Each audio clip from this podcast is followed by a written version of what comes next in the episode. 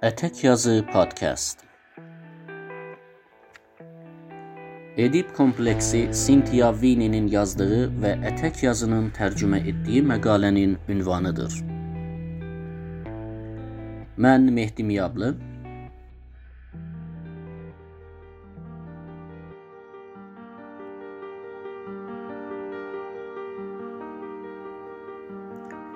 Sigmund Freud Edip kompleksi qavramını bir uşağın qarşı cinsdən valideyninin cinsi diqqəti üçün eyni cinsdən valideynlə inkişaf etdirdiyi rəqabəti təsvir etmək üçün istifadə etdi. Bu Freudun ən məşhur lakin mübahisəli fikirlərindən biridir.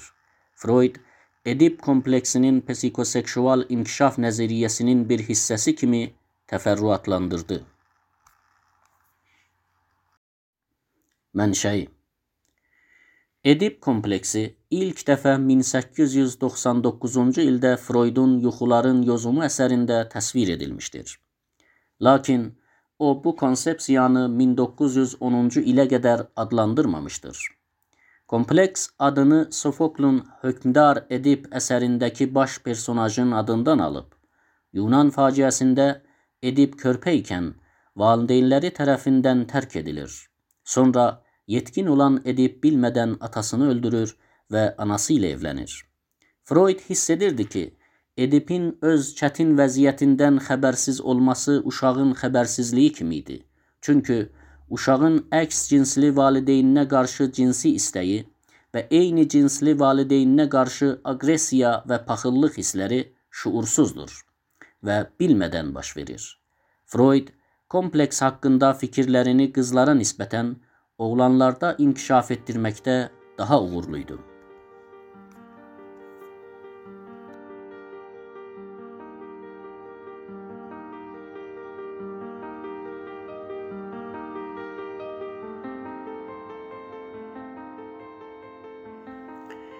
Edip kompleksinin inkişafı Edip kompleksi 3-5 yaşları arasında baş verən psikoseksual mərhələlərində fallik mərhələsində inkişaf edir. Bu zaman oğlan şuursuz olaraq anasını arzulamağa başlayır. Ancaq tezliklə istəklərinə uyğun hərəkət edə bilməyəcəyini öyrənir. Eyni zamanda anasından gördüyü sevgini atasının da aldığını anlayır və bu vəziyyət qısqanclıq və rəqabətə səbəb olur. Oğlan atasına meydan oxumağa xəyal etsə də, real həyatda bunu edə bilməyəcəyini bilir. Həmçinin Oğlan atasına qarşı ziddiyyətli hissləri ilə çaşqındır. Atasına paxıllıq etsə də onu sevir və ona ehtiyac duyur. Bundan əlavə oğlanda axtalanmaq təşvişi yaranır. Atasının onu duyğularından dolayı cəzalandırmaq üçün xədim edəcəyi qorxusu.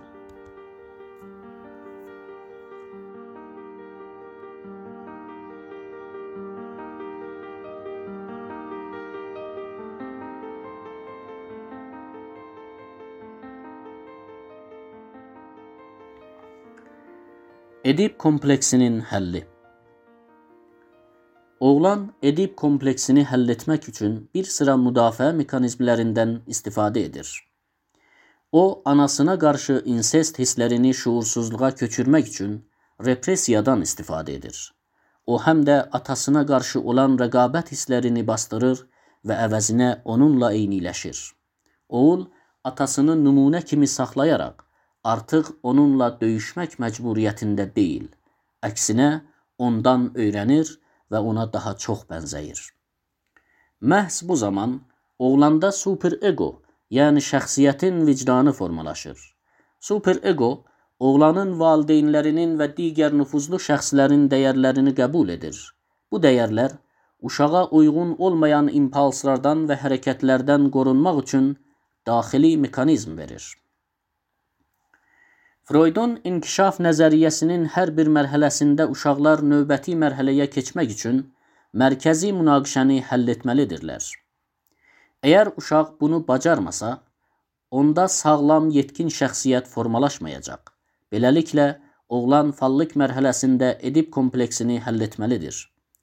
Bu baş verməsə, yetkinlik dövründə oğlan rəqabət və sevgi sahələrində çətinliklər yaşayacaq. Rəqabət vəziyyətində gənc oğlan atası ilə rəqabət təcrübəsindəki narahatlıq və günahkarlıq hisslərini digər kişilərə də tətbiq edə bilər.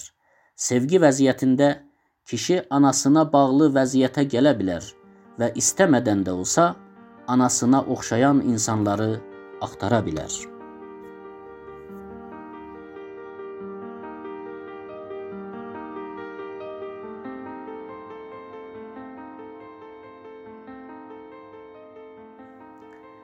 Elektra kompleksi Freud kiçik qızlar üçün də başqa bir Edip kompleksi təyin edib.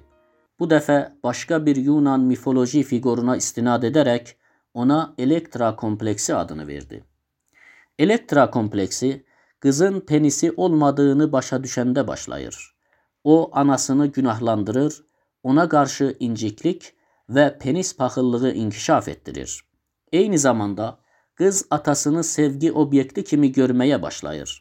Atasına olan sevgisini həyata keçirə bilməyəcəyini, ancaq anasının bunu bacardığını öyrəndikdə onu qısqanır.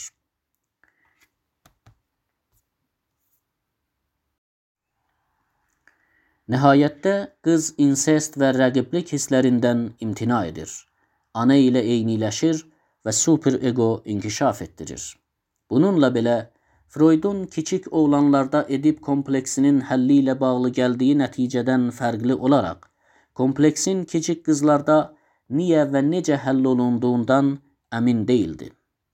Freud hesab edirdi ki, bəlkə də kiçik qızı valideynlərinin məhəbbətinin itirilməsi ilə bağlı narahatlıqlar motivasiya edir.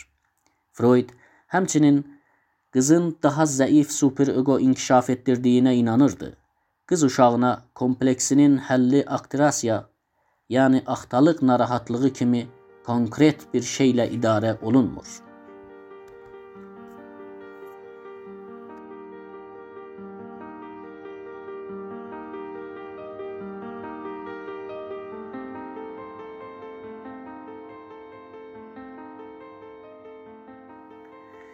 Qız elektra kompleksini fallik mərhələsində həll edə bilmirsə, yuxarı yaşlarda Edip kompleksini həll edə bilməyən bir oğlan kimi oxşar çətinliklərə üzləşə bilər.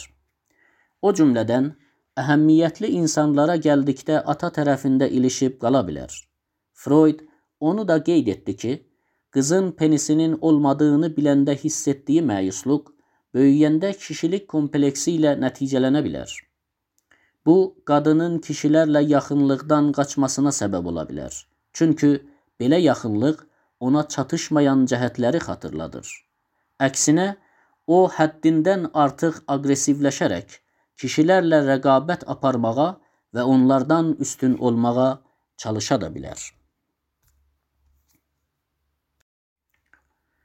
Tənqidlər və mübahisələr Edip kompleksi konsepsiyası varlığını davam etdirsə də, illər ərzində ona qarşı çoxlu tənqidlər səsləndirilib.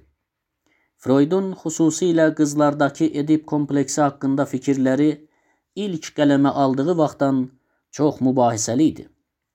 Bir çoxları qızların seksuallığının oğlanlardan fərqli şəkildə yetkinləşə biləcəyini iddia edərək, seksuallıq haqqında kişi anlayışını qızlara tətbiq etməyin düzgün olmadığını düşünürdü. Digərləri Freudun qadınlara qarşı qərəzlərini mədəniyyətə əsaslandığını iddia edirdilər. Məsələn, psixoanalitik yazıcı Clara Thompson Freudun penis paxıllığının bioloji əsaslı olması fikirlərini təksib etdi. Bunun əvəzinə o qızların oğlanlara çox vaxt eyni imtiyaz və imkanlardan istifadə edə bilmədiklərinə görə həsəd apardıqlarına diqqət çəkib, beləliklə penis paxıllığı real bir istəkdən deyil, bərabər hüquqlar üçün simvolikdir.